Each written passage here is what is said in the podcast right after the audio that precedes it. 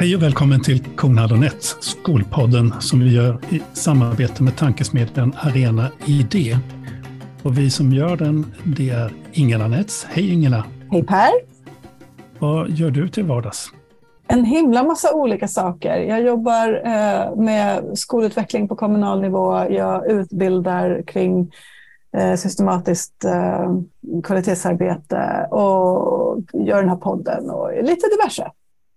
Mm. Och det är ungefär som jag. Det är också mm. diverse. Skriver böcker och debatterar och är, har papper på att jag är expert faktiskt. Men, men, men eh, det får man väl ta med, med hur mycket salt man vill och så vidare. Också ordförande för läromedelsförfattarna. I den här podden, ska vi säga att vi gör den här podden helt ideellt. Och det tycker vi är ganska mm. viktigt. För mm. vi, vi gör det här faktiskt för att vi är intresserade av de här frågorna. Och sen mm. har vi hjälp med det tekniska från Arena Idé.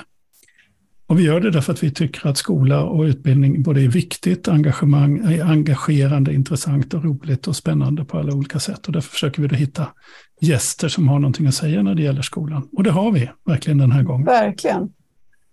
För dagens gäst har ju en bakgrund, en lång bakgrund inom, inom Liberalerna, ja, till och med då från Folkpartitiden har varit ordförande för ungdomsförbundet, varit riksdagsledamot, skolborgarråd i Stockholm och är nu skolminister. Välkommen Lotta Edholm. Tack så hemskt mycket. Väldigt roligt att få vara med. Hur är det att vara minister? Det är väldigt roligt såklart, annars hade jag inte tackat ja. Eh, men det är också ganska Eh, jobbigt. Det tror jag. jag tror inte det är någon som tror något annat om man säger så. Eh, men det är också intressant att se skillnaden mellan att vara... Eh, jag var ju skolborgarråd i Stockholm i, i nästan tio år så att jag är ju, kan ju ganska mycket om, om skolans värld men det är ändå väldigt stora skillnader i eh, den nationella nivån och den kommunala nivån. Eh, Dels är det naturligtvis så att det kommunala ansvaret för skolan är ju på, på ett sätt egentligen mycket större eftersom eh, skolan är kommunaliserad. Eh, men det är också så att det är mycket, mycket lättare att få genomslag snabbt för sina idéer på kommunal nivå än vad det är på statlig nivå eftersom vi har det här så kallade beredningstvånget som gör att processerna tar ju väldigt, väldigt mycket längre tid och det känns fortfarande väldigt ovant skulle jag säga. Det där är intressant tänker jag, ur någon sorts filosofiskt perspektiv. Om man jag, jag inbillar mig, du får rätta mig om jag har fel, att, att man väljer att, att jobba politiskt därför att man verkligen vill åstadkomma förändring. Eh, eller skapa ett bättre samhälle eller bevara ett bra samhälle som man tycker att det finns eller vad det nu är. Är det liksom förenligt med de här långa processerna? Hur mycket, hur mycket liksom otålig blir man? man blir väldigt, väldigt otålig kan jag säga. Och det är klart att det finns någonting oerhört märkligt i att vi har, en, vi har grundlagsfäder som har sagt att på nationell nivå så ska varje liten lagförändring så ska det till en statlig utredning. Eh, medan på kommunal nivå så har vi nästan inget beredningstvång alls. Där kan man ju genomföra enorma Eh, förändringar som får oerhörda konsekvenser för kommuninvånarna bara på några veckor. Och det är klart att det där känns ju väldigt konstigt faktiskt. Det är inte alls säkert att en, en lagändring har mindre påverkan på medborgarna än vad en, en förändring i en kommun faktiskt har. Eh, så att jag kan ju tycka ibland att det är viktigt när det gäller stora förändringar att den här, den här institutionen, statlig utredning, finns. Men ibland så är det som att man, man kör alla ändringar genom samma rör på något sätt och det röret är, är väldigt trögt. Men, men, men, är det här också i linje med egentligen, om man skulle kunna vända på det också, går det då för fort? Mm. Och framförallt då i de stora kommunerna, eh, där, det, där besluten ju faktiskt påverkar väldigt, väldigt många människor. Det, det, absolut, det skulle jag kunna eh, skriva under på också. Um, när, när jag blev skolborgarråd eh, 2006 i Stockholm så gjorde vi, där hade man, hade ju då man lagt ut ansvaret för grundskolan på stadsdelsnämnderna, vilket gjorde att det var ytterligare ett lager så att säga mellan, mellan den nationella nivån och eh, skolnivån. Och det där hade ju då dåvarande Folkpartiet gått till val på att vi ville centralisera ansvaret för grundskolan till en central utbildningsnämnd. Och vi fattade det beslutet, gissar jag, i ja, någonstans i början av december skulle jag tro, eh, hösten 2006. Och sen skulle det vara genomfört första juli 2007. Och det var det också. Ehm, mm. Och det är klart att det var ju väldigt, väldigt snabbt och jag tror i, i grund och botten så var det bra att det var ett snabbt beslut. Eh, men man kan ju verkligen möjligen ifrågasätta eh, Sveriges största kommun med 10 procent av alla eh, grundskoleelever eller kanske till och med mer. Att man fattar ett sådant beslut eh, när det tar så lång tid att göra ett motsvarande beslut på, nationell nivå. Vi pratar om det så hör jag Inga-Britt Alenius röst i bakhuvudet som ju menar att liksom kommun, kommunlagen är så ålderdomlig. Att den är liksom inte alls skriven för, för ett modernt samhälle överhuvudtaget. Hon tänker ju då mycket på brist på insyn, transparens i kommuner och så. Ja, det, så kan det nog vara. Jag tycker väl kanske inte att det är någon större brist på insyn och transparens egentligen. Det är ju samma offentlighetsprincip som gäller där som här, men däremot så är det väl så att intresset inte alltid är lika stort från medierna, trots att en, den kommun man bor i och de beslut som fattas där ofta har en mer direkt påverkan på den enskilda individen än de beslut som kanske Sveriges riksdag fattar.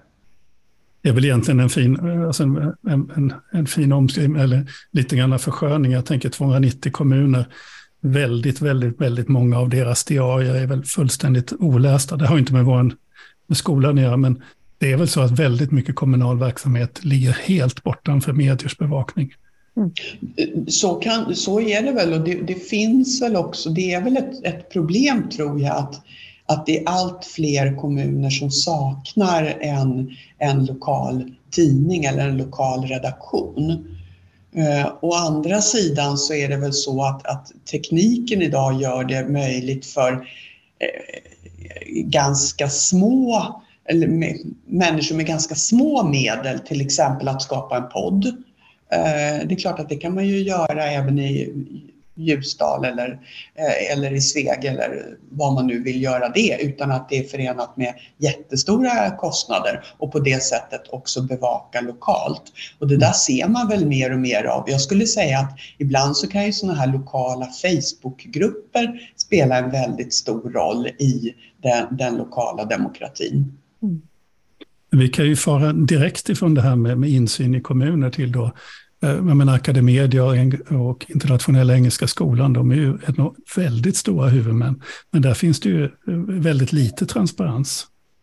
Man... Absolut, och det är ju det som vi också vill komma till rätta med. Att, att eh, friskolor ska, ska eh, lyda under en, en offentlighetsprincip de också. Vi måste öka insynen radikalt och egentligen så handlar ju inte det bara om friskolor, det handlar ju även om annan offentligt finansierad verksamhet också. Att man ser att offentligt finansierad verksamhet som är finansierad av skattemedel eh, måste ha en, en annan insyn än om man vore ett rent privat företag som inte tog emot någon form av, av eh, eh skattemedel till exempel.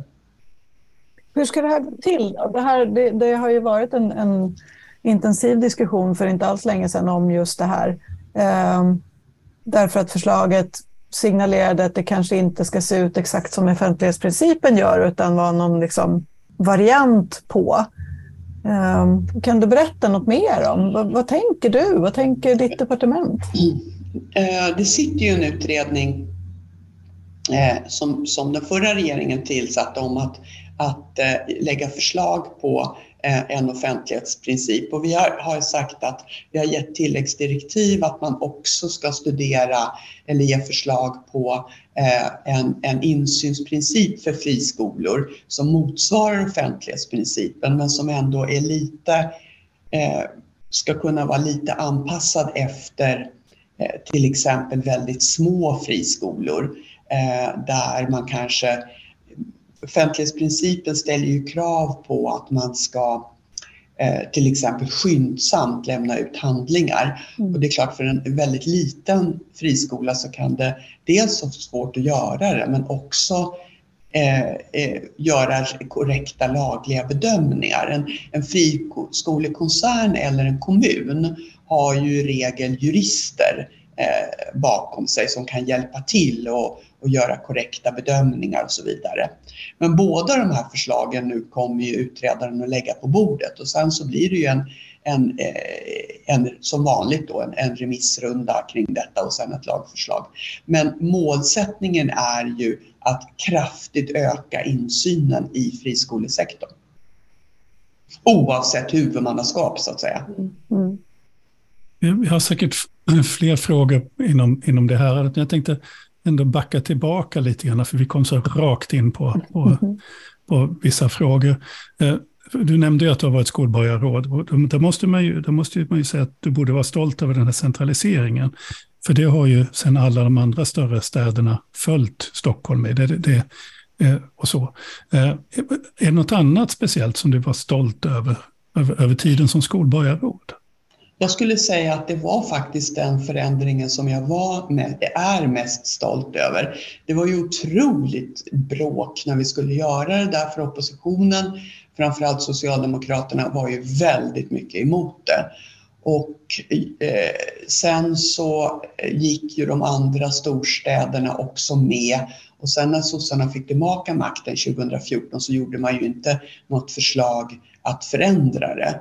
Eh, och jag tror att det beror på att man såg att det hade faktiskt inte varit så, så väldigt bra. Eh, det funkade väldigt dåligt. Vi kan säga att det är jättekonstigt att ha en skolpolitik i varje eh, kommun. Men det är ännu konstigare att ha det i 24 stadsdelsnämnder. Och det var verkligen så. Man hade olika resursfördelningssystem och olika sätt att styra och rektorerna var extremt frustrerade över att, att sitta på möten med äldreomsorgschefen istället för att sitta på möten med, med andra rektorer från övriga stan och så vidare. Så detta är det som jag skulle säga har varit mest betydelsefullt för att förbättra skolresultaten i Stockholm. Även om naturligtvis man kan sitta i en sån här skolpodd såklart och, och prata om det för att eh, jag gissar att de som lyssnar på den här podden liksom förstår vad det handlar om. Men mm. däremot så är det ju utåt så är det ju väldigt svårt att säga att ja, det viktigaste jag gjorde var att ändra byråkratin i Stockholms stad. det, ju, det, det låter ju inte så kul såklart.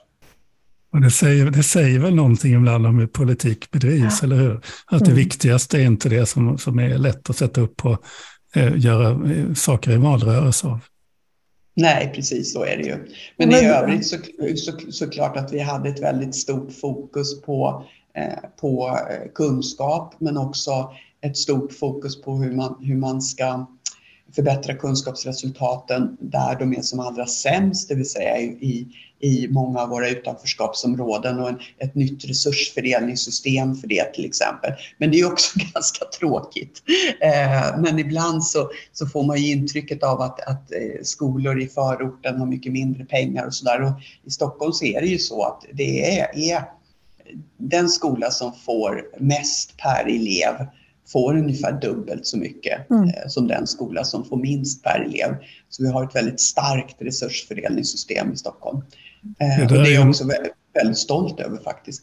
Det tycker jag det ska vara. Det har jag lyft flera gånger här nu i podden. Alltså för det ser vi ju effekten av nu. Det är också en sån där sak som är jobbig med, med den här typen av politik. Att du, att det, för det var ju under din tid som skolborgarråd som den här modellen infördes. Och det är nu som Stockholms stad skördar frukterna av det. För rektor, det tar ju en tid för rektorerna att anpassa sig, att lära sig att bygga organisation för det resurssystem som finns. Men nu, nu kommer ju frukten av det, alltså till exempel ute på Järvafältet. Det är ju en helt fantastisk utveckling. Ja, och den bygger ju naturligtvis inte bara på att man har resurserna utan också på att man använder dem på ett vettigt sätt. Och där menar ju jag att man under alldeles för många år har haft den här diskussionen, ja men ni vet, det behövs fler händer och det är ja, massa outbildad personal och sådär. Och det, det är ju eh, tror jag, den utvecklingen har ju varit bland rent skadlig faktiskt. Utan att man använder pengarna till utbildade lärare och annan utbildad personal eh, och vågar sätta in mindre undervisningsgrupper, fler speciallärare och så vidare och inte tro att det där löser man med outbildade elevassistenter. Det där är en jätte, att de, jättefråga. Att de mm. finns. Ja. Jag, jag, skulle vilja göra en, en, liksom, dra ytterligare en parallell här. Det, vi får så många bra trådar att liksom nysta i. Men, men apropå det här att, att ditt, ditt liksom viktigaste beslut var ett, ett ganska byråkratiskt beslut. Jag, hade, jag kom att tänka på samtal jag hade alldeles, nyligen, alldeles nyligen med en, en, eh, en människa som, som har barn i, i svensk skola, både i kommunal och friskola. Och som och vi diskuterade liksom skol, skolsystemet. Um, och jag tror att, att för, för, för i princip alla som, som är berörda av skolan men som kanske inte jobbar eller är liksom verksamma i den så är det ju de här frågorna om att men bara det är en bra skola så är vi nöjda. Det spelar liksom ingen roll vem som, vem som driver den och om de tjänar pengar på det eller så. Bara det blir bra för barnen så är allting bra. Um, och så tänker jag att på, på, på din politiska nivå så är det ju ändå eh, de liksom systemfrågorna som vi, vi någonstans vet Eh, man behöver fatta beslut som, som håller långsiktigt och som kanske också då bär frukt först om fem, tio år eller kanske inte ens det innan vi vet säkert att, att effekten blev den vi önskade.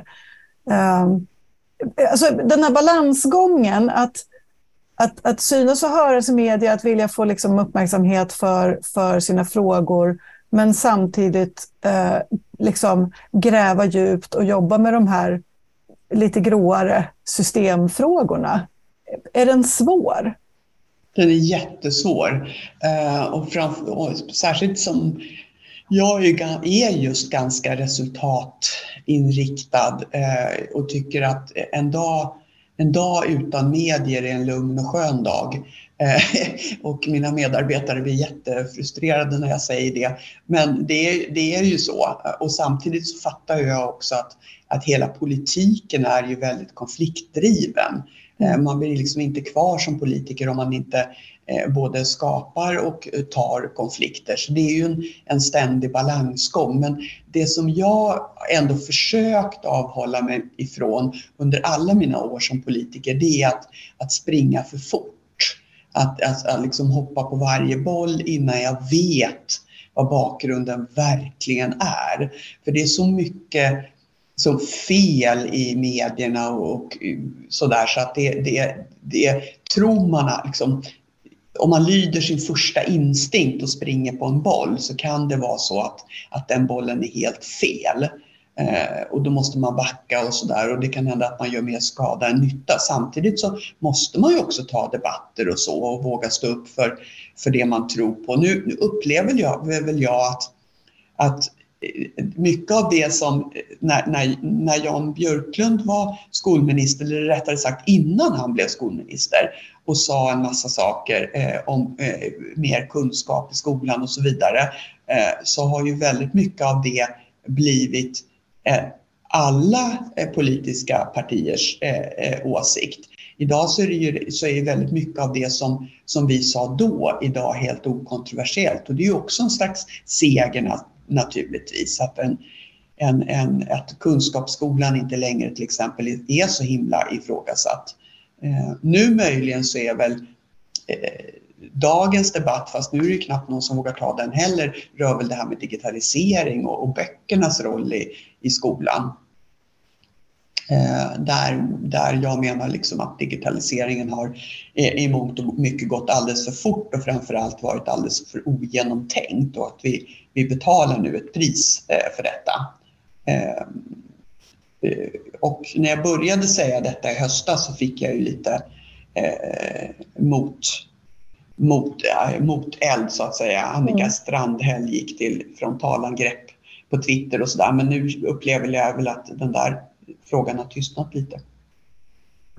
Den vill, vill vi också komma tillbaka till, men, mm. men innan dess vill jag fråga dig varför du blev skolminister. Alltså är det, är det, har du en egen... Ja, vad, vad tänkte du när Kristersson ringde? Ja. Och har du då någon liksom egen tanke? Det här är det som jag framförallt vill lyckas med? Och det kanske du inte vill säga här, det vet inte jag. Men, men, en, eller, eller är det så att nej, nu gör jag liksom partiet en tjänst och, och så ska jag genomdriva tidavtalet? Eller, eller liksom, hur, ser, hur ser det ut i, i ditt huvud om, om du har lust att dela en sån ehm, reflektion? Ja, för det första så var det ju Johan Persson då som ringde. Ja, för, eh, och ja. Jag sa det till honom att det var ju tur att jag satt ner för jag var ju helt oförberedd. Jag hade ju lämnat alla politiska uppdrag, även internt, så att jag hade inte funderat någonting på det här. Eh, alls faktiskt. Jag blev ju väldigt förvånad. Men det är väl klart att, att när man har ägnat en stor del av sin politiska karriär åt en fråga som man tycker är så otroligt viktig, eh, för det tycker jag ju naturligtvis att det är, då är det ju väldigt roligt att få pröva de, de idéerna eh, Eh, som man har även på nationell nivå. Även om jag klart att jag också insåg att, att det kommer att bli väldigt jobbigt eh, eh att återigen eh, jobba mycket mer än, än tidigare och så vidare. Eh, men väldigt, väldigt, väldigt roligt. Eh, och sen såklart att jag läste ju naturligtvis Tidöavtalet och det finns ju väldigt mycket i det som är väldigt bra och viktiga frågor. Eh, till exempel när det rör läsning och, och den typen av frågor som jag tror är, är avgörande för att, att eh, förbättra eh, skolresultaten. Böckernas betydelse inte minst. Sen finns det ju andra, andra frågor i Tidöavtalet, tänker jag, som till exempel den om modersmålsundervisning, där, där ju SD är ganska tydliga med att man tycker att det, det om jag ska, ska uttrycka mig lite förenklat så, att det ska inte svensk skola ägna sig åt. Um, alltså, där finns det ju så otroligt mycket forskning och beprövad erfarenhet som säger en sak. Och nu säger Tidöavtalet något helt annat. Hur, alltså, kan man navigera i det?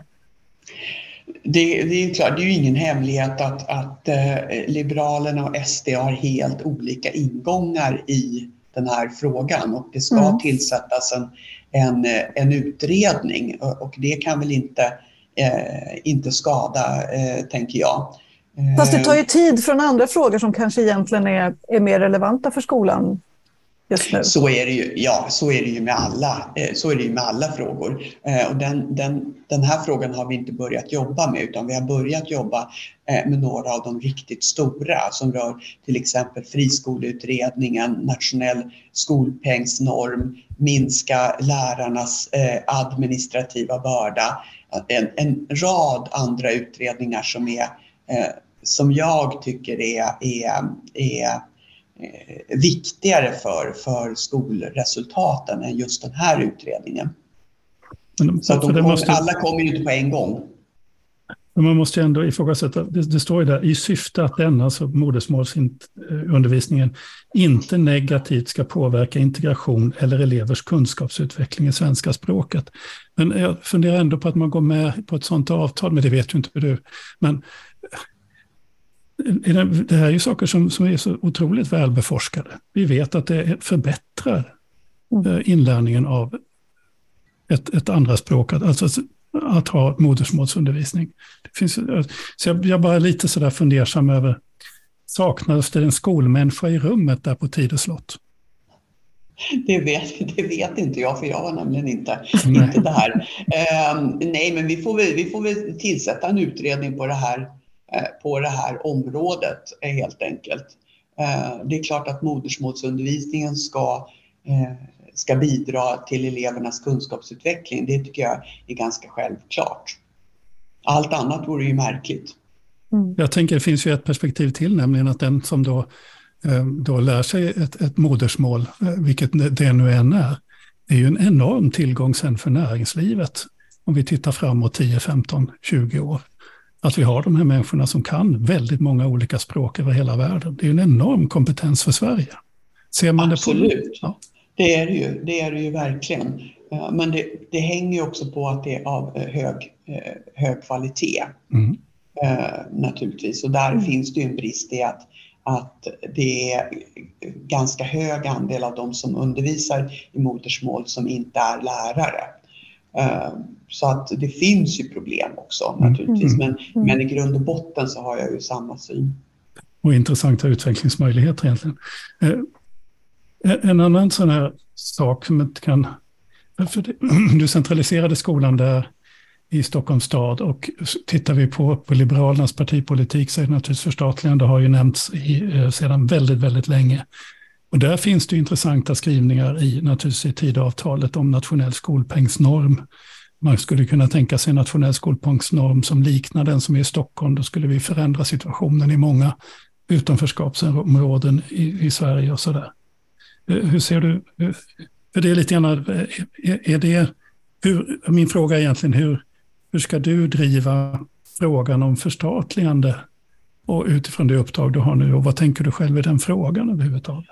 Vi har ju nu förstatligande utredningen, massor med fantastiskt välskrivna sidor. Ja, eh, och det, den, den utredningen var ju en, en, eh, Eh, en konsekvens av januariavtalet, för det var ju Liberalerna som, som drev igenom att den utredningen skulle tillsättas. Varken Socialdemokraterna eller Centern är ju intresserade av, av att förstatliga skolan. Och eh, därför så finns det heller inga skarpa förslag i den utredningen. Men det är ju ingen hemlighet att det är det som vi vill åstadkomma. Det vi lyckades med i Tidöavtalet är ju att få till stånd en, en utredning om nationell skolpengsnorm och det är klart att den här förstatligande utredningen kommer ju vara en väldigt viktig alltså kunskapsbank i detta och bilda en, en fond för den eh, utredningen om nationell skolpengsnorm.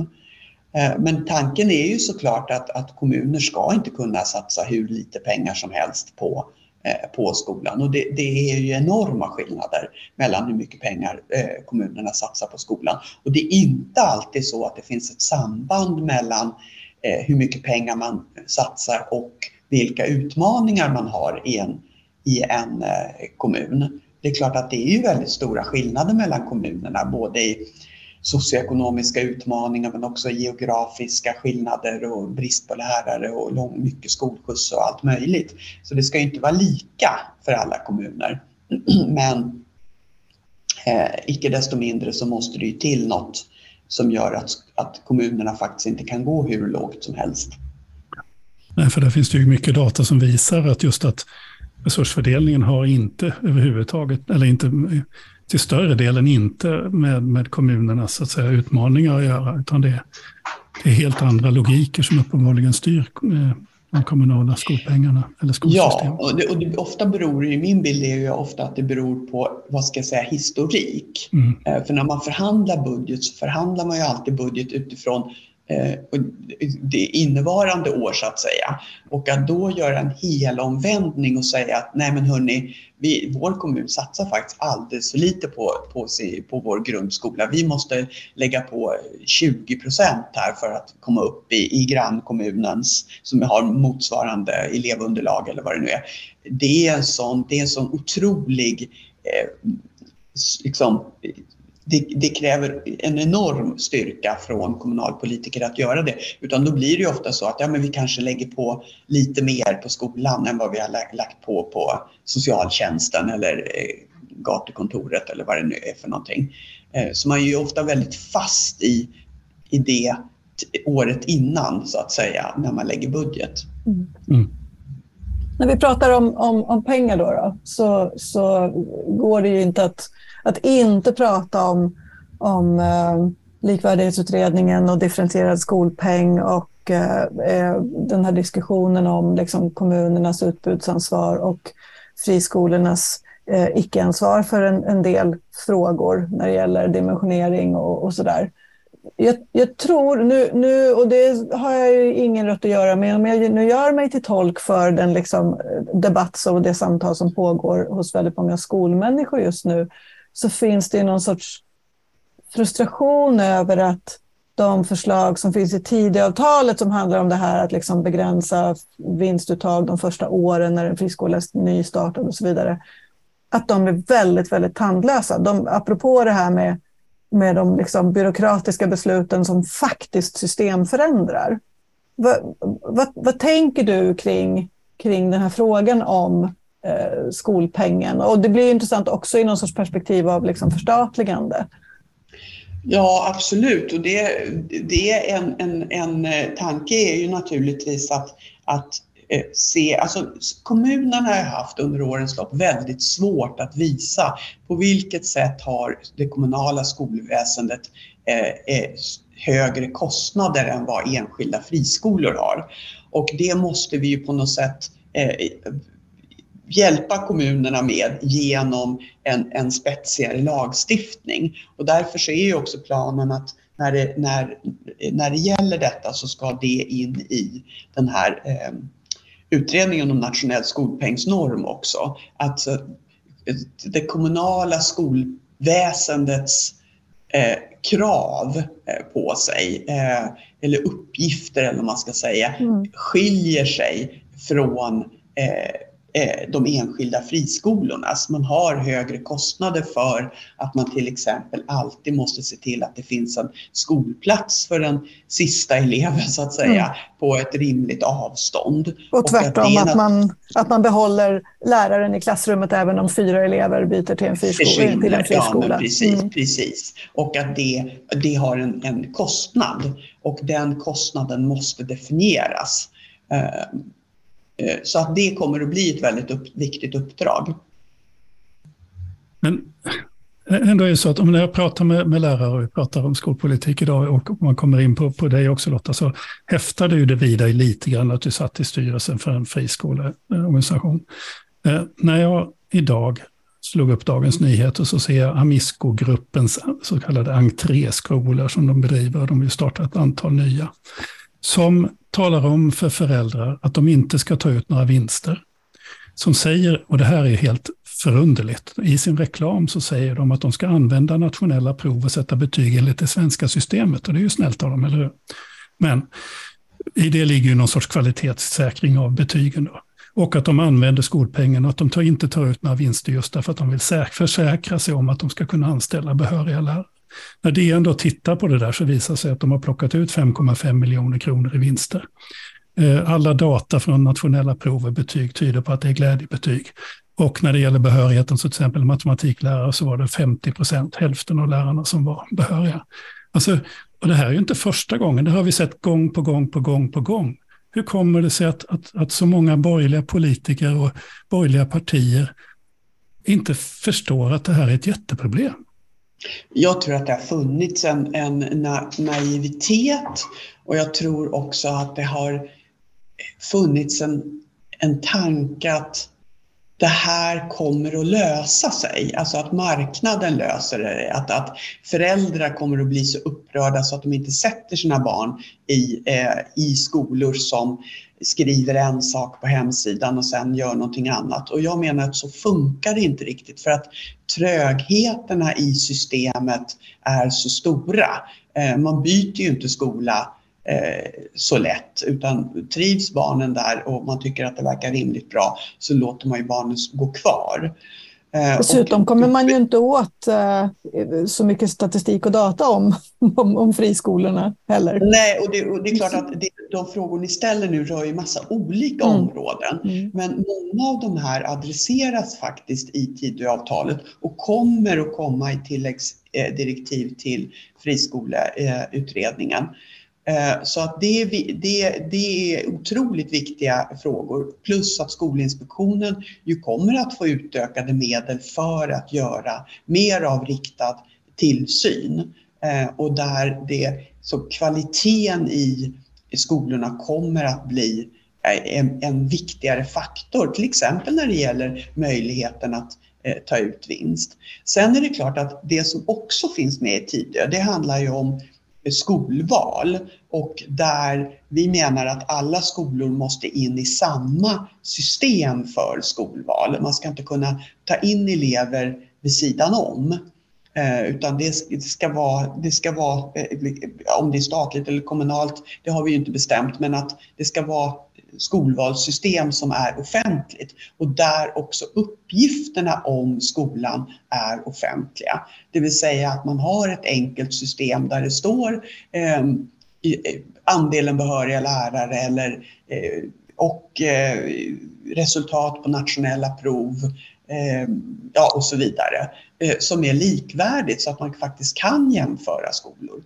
Men det systemet ska ju inte ligga på den enskilda skolan utan det ska ju ligga på på en offentlig aktör som behandlar alla lika och där man begär in samma typer av, av uppgifter från alla skolor. Mm. Vad jag är lite grann på jakt efter också är att, att i till exempel liberal politik så är den enskilda människan oerhört viktig.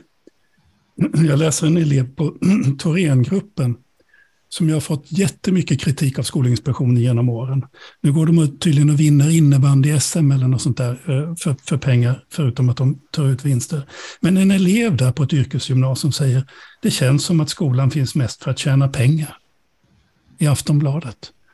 Alltså, ser man inte de här barnen det här gäller ju då att det framförallt på, på för grundskolan har, ser ju det lite annorlunda ut i andra elevgrupper, men på alla dessa faktiskt väldigt, väldigt dåliga yrkesgymnasier som vi har haft nu, så är det ju människor, individer av ung, alltså ungdomar som ju tappar tilltron till skolsystemet. Som inte ser sig själva som viktiga, för det är ett maskineri de har klivit in i som fungerar enligt någon sorts konstig logik som i alla fall inte är tänkt att ge dem den bästa utbildningen.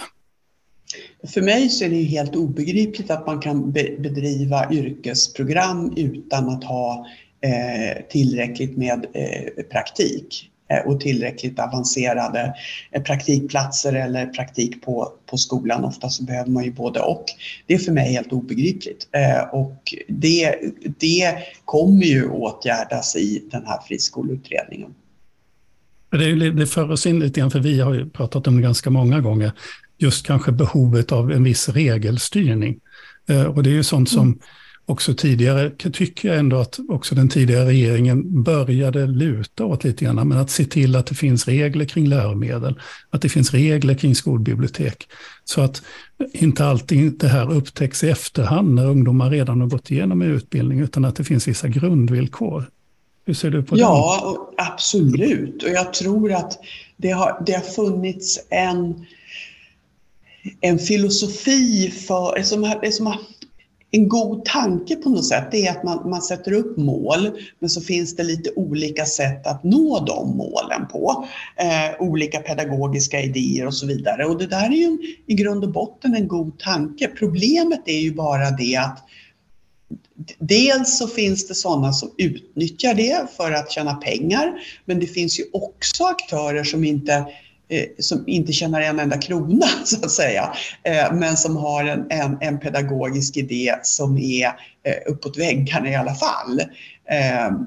Och jag, jag, jag tror ju att, att det har skett en, en vändning i det att vi idag är tillbaka till lite mer av regelstyrning eller vad man ska kalla det för. Att, att det pågår en, en diskussion om skolbibliotek tycker jag som är jätte, eh, jätteviktig. Eh, det är klart att jag skulle väldigt gärna se bemannade skolbibliotek eh, och att man då inte bara kan eh, lite lättvindigt säga att det kan ni göra lite som ni själva vill med, utan att det faktiskt blir ett, ett regelverk kring det. Kan du säga eh, någonting om, om, om hur ni bereder den frågan? Och det gäller också läromedelsutredningens förslag. Nej, jag vågar inte det. Det, det, är ju, det bereds ju båda de frågorna. Eh, och det är ju det är ju också lite eh, väldigt många människor, eller människor ska jag inte säga, men kommuner framförallt, de klagar ju på det här med statsbidrag som är riktade för att det är svårt och, och dyrt att söka.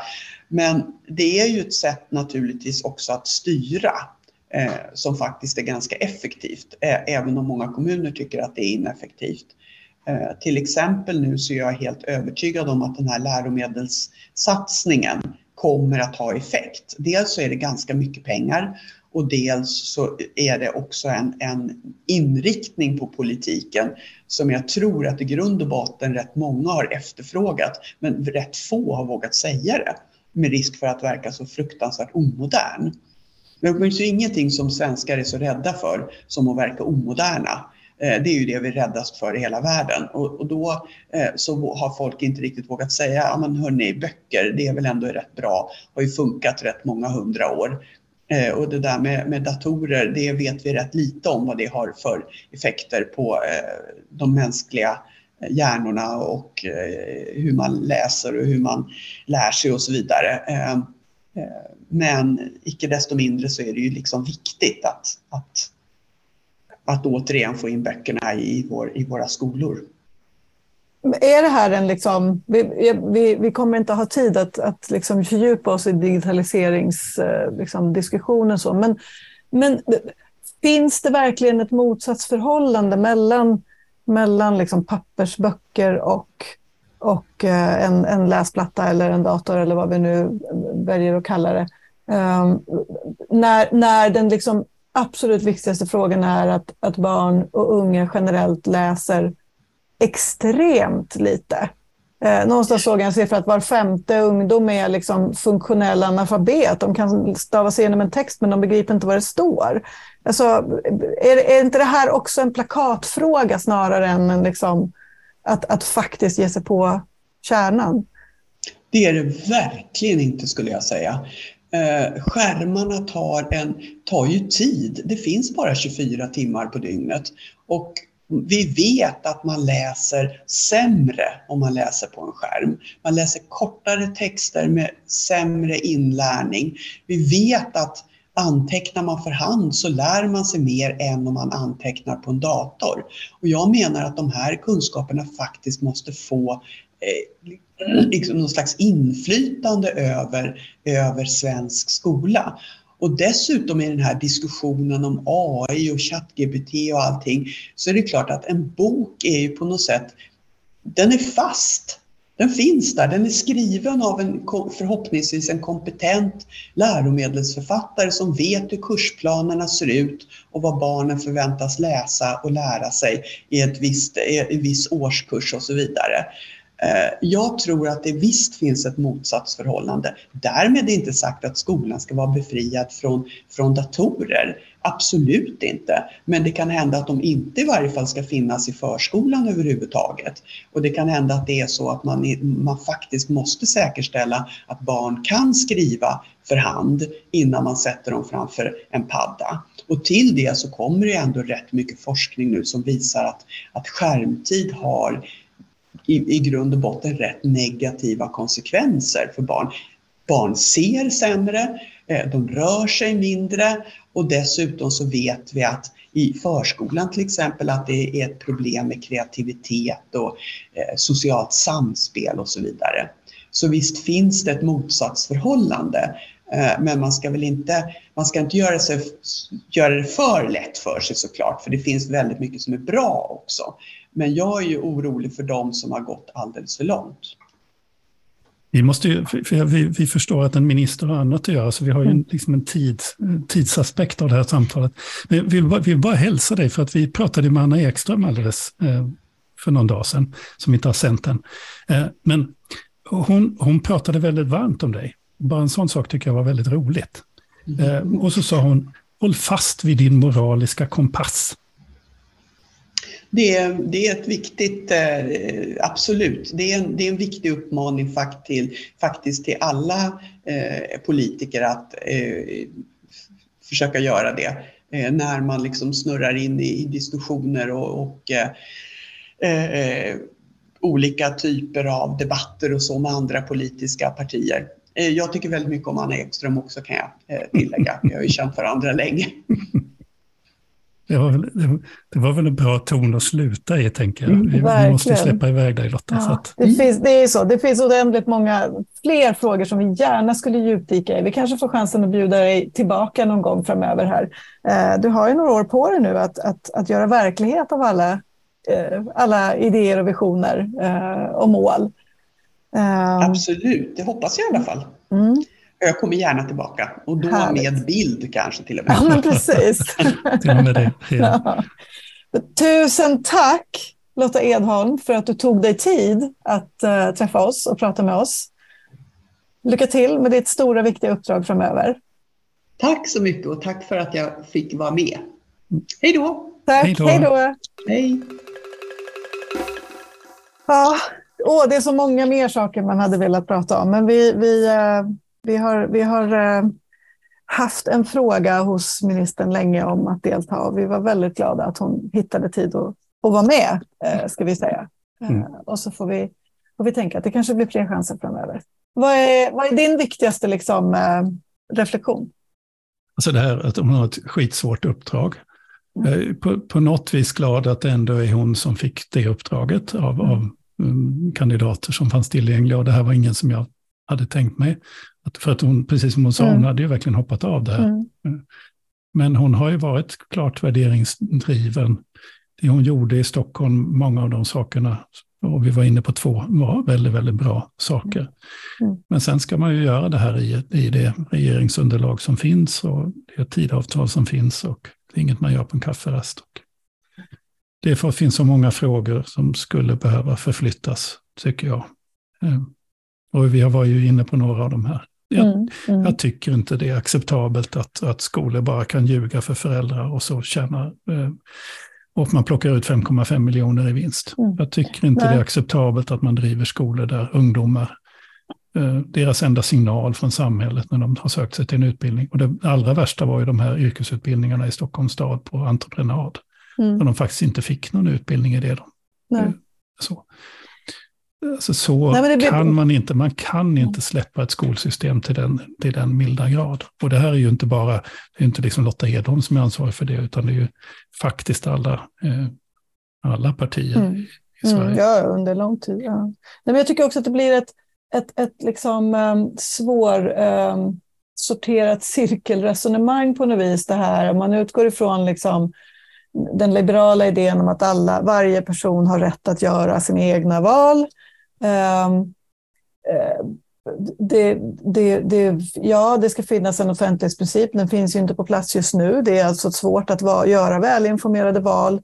Um, och det blir också, man lägger också väldigt, väldigt stort ansvar på eh, föräldrar om man, om man utifrån det tänker att, att man ska göra val. Eh, liksom. eh, och vi vet att det, det som då liksom påverkar valet är ju snarare var går, var går liksom barnets kompisar och vad, vad är smidigt för oss och var, var tyvärr eh, slipper vi de barn som vi inte vill att vårt barn ska träffa.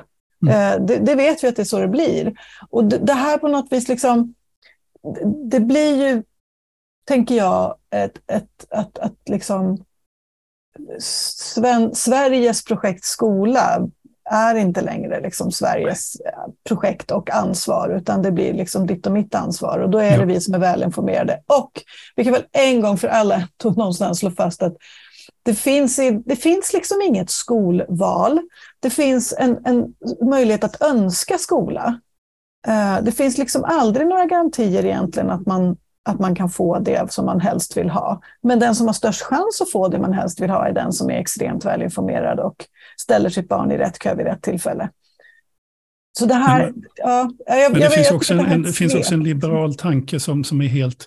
Alltså den liberalism som har präglat uppbyggnaden av det här skolsystemet är ju inte den gamla, inte klassisk liberalism, inte socialliberalism. Nej. Alltså där byggdes ett skolsystem för att ge alla en möjlighet att välja liv. Mm. Det vill säga mm. att ge alla barn en bra mm. skolutbildning, så bra mm. som möjligt med de resurser som är tillgängliga. Mm. Så att alla barn kan stå där sen efter nian och säga, jag vill gå på den gymnasieutbildningen om, om jag kommer in. Mm. Och sen efter gymnasiet så kan jag välja vilket liv jag vill och så vidare. Det, det är den friheten, att kunna välja därför att man har fått samma livschanser som byggdes upp. Men istället har det, har det liksom blivit, och det är ju en marknadsliberal, det är en extremt liksom neoliberal, liber, libertini, libertar, vad heter det? Libertanism, mm, libertanistisk. Ja. ja. idé om, om att människan alltid ska ha, eh, liksom, liksom välja riktning. Och, och, i det här fallet till exempel, man är inte kanske mogen till det, man har inte tillgång till den information. Mm. Nu nämnde Lotta, man ska ha tillgång till resultat i nationella prov. De säger ingenting om Nej, de inte är i förhållande till elevers ja. bakgrund. Ja. Eh, ta det här Ja, alltså att, att, alltså att liberal politik är ju faktiskt att ge alla en möjlighet att välja liv. Mm. Inte att ge alla mm. en möjlighet att hela tiden välja, välja att välja dåliga alternativ, så att säga. Det. Det, det. är något där mm. som är galet. Mm. Ja, men sen, jag, kan, jag kan känna någon sorts, eh, ja, men lite så här, liksom, allmän frustration över att det tar så förtvivlat lång tid med allting. Jag, jag tycker ju verkligen, det har vi också pratat om så många gånger här, liksom, den, den svenska byråkratin är ändå liksom en, en demokratins väktare och den ska vi värna. Den är otroligt viktig. Eh, men det blir också, tänker jag, ibland en jäkligt smidig smitväg för politiker som inte riktigt vill ta i, i heta frågor. Liksom för att man ja, vet att det blir tufft. Att säga att Nej, men vi ska tillsätta en utredning och vi ska utreda det här ordentligt. Det är för 17 utrett hur många gånger som helst. Ja. jag, blir, ja, jag blir jättefrustrerad av det faktiskt. Och, och det är framförallt det, men där kunde vi naturligtvis varit eh, tuffare mot henne, för när det gäller mm. då till exempel den kommunala eller kommunala ja. nivån jämfört ja, med det, det som ska till friskolor. så många gånger. Det är uträknat ända sedan mm. det här systemet startades. Mm. Och man Precis. kommer fram till ungefär samma siffra ja. varenda ja. gång. Så där är det ju inte byråkrati, det är inte berednings, eh, eh, beredningstvång, utan det är ju bara, bara eh, politisk mm. ovilja. Mm. Och så ska man ju då veta att hela det här systemet kom till, där man, då struntade man helt i beredningstvång. Ja, just det. Precis. Och bara där kanske man borde bromsa mm. upp och tänka, hm, vänta nu lite grann. Mm. mm. Ja, men ja. väldigt kul. Ja, intressant. Verkligen intressant. Då tycker jag att vi är nöjda.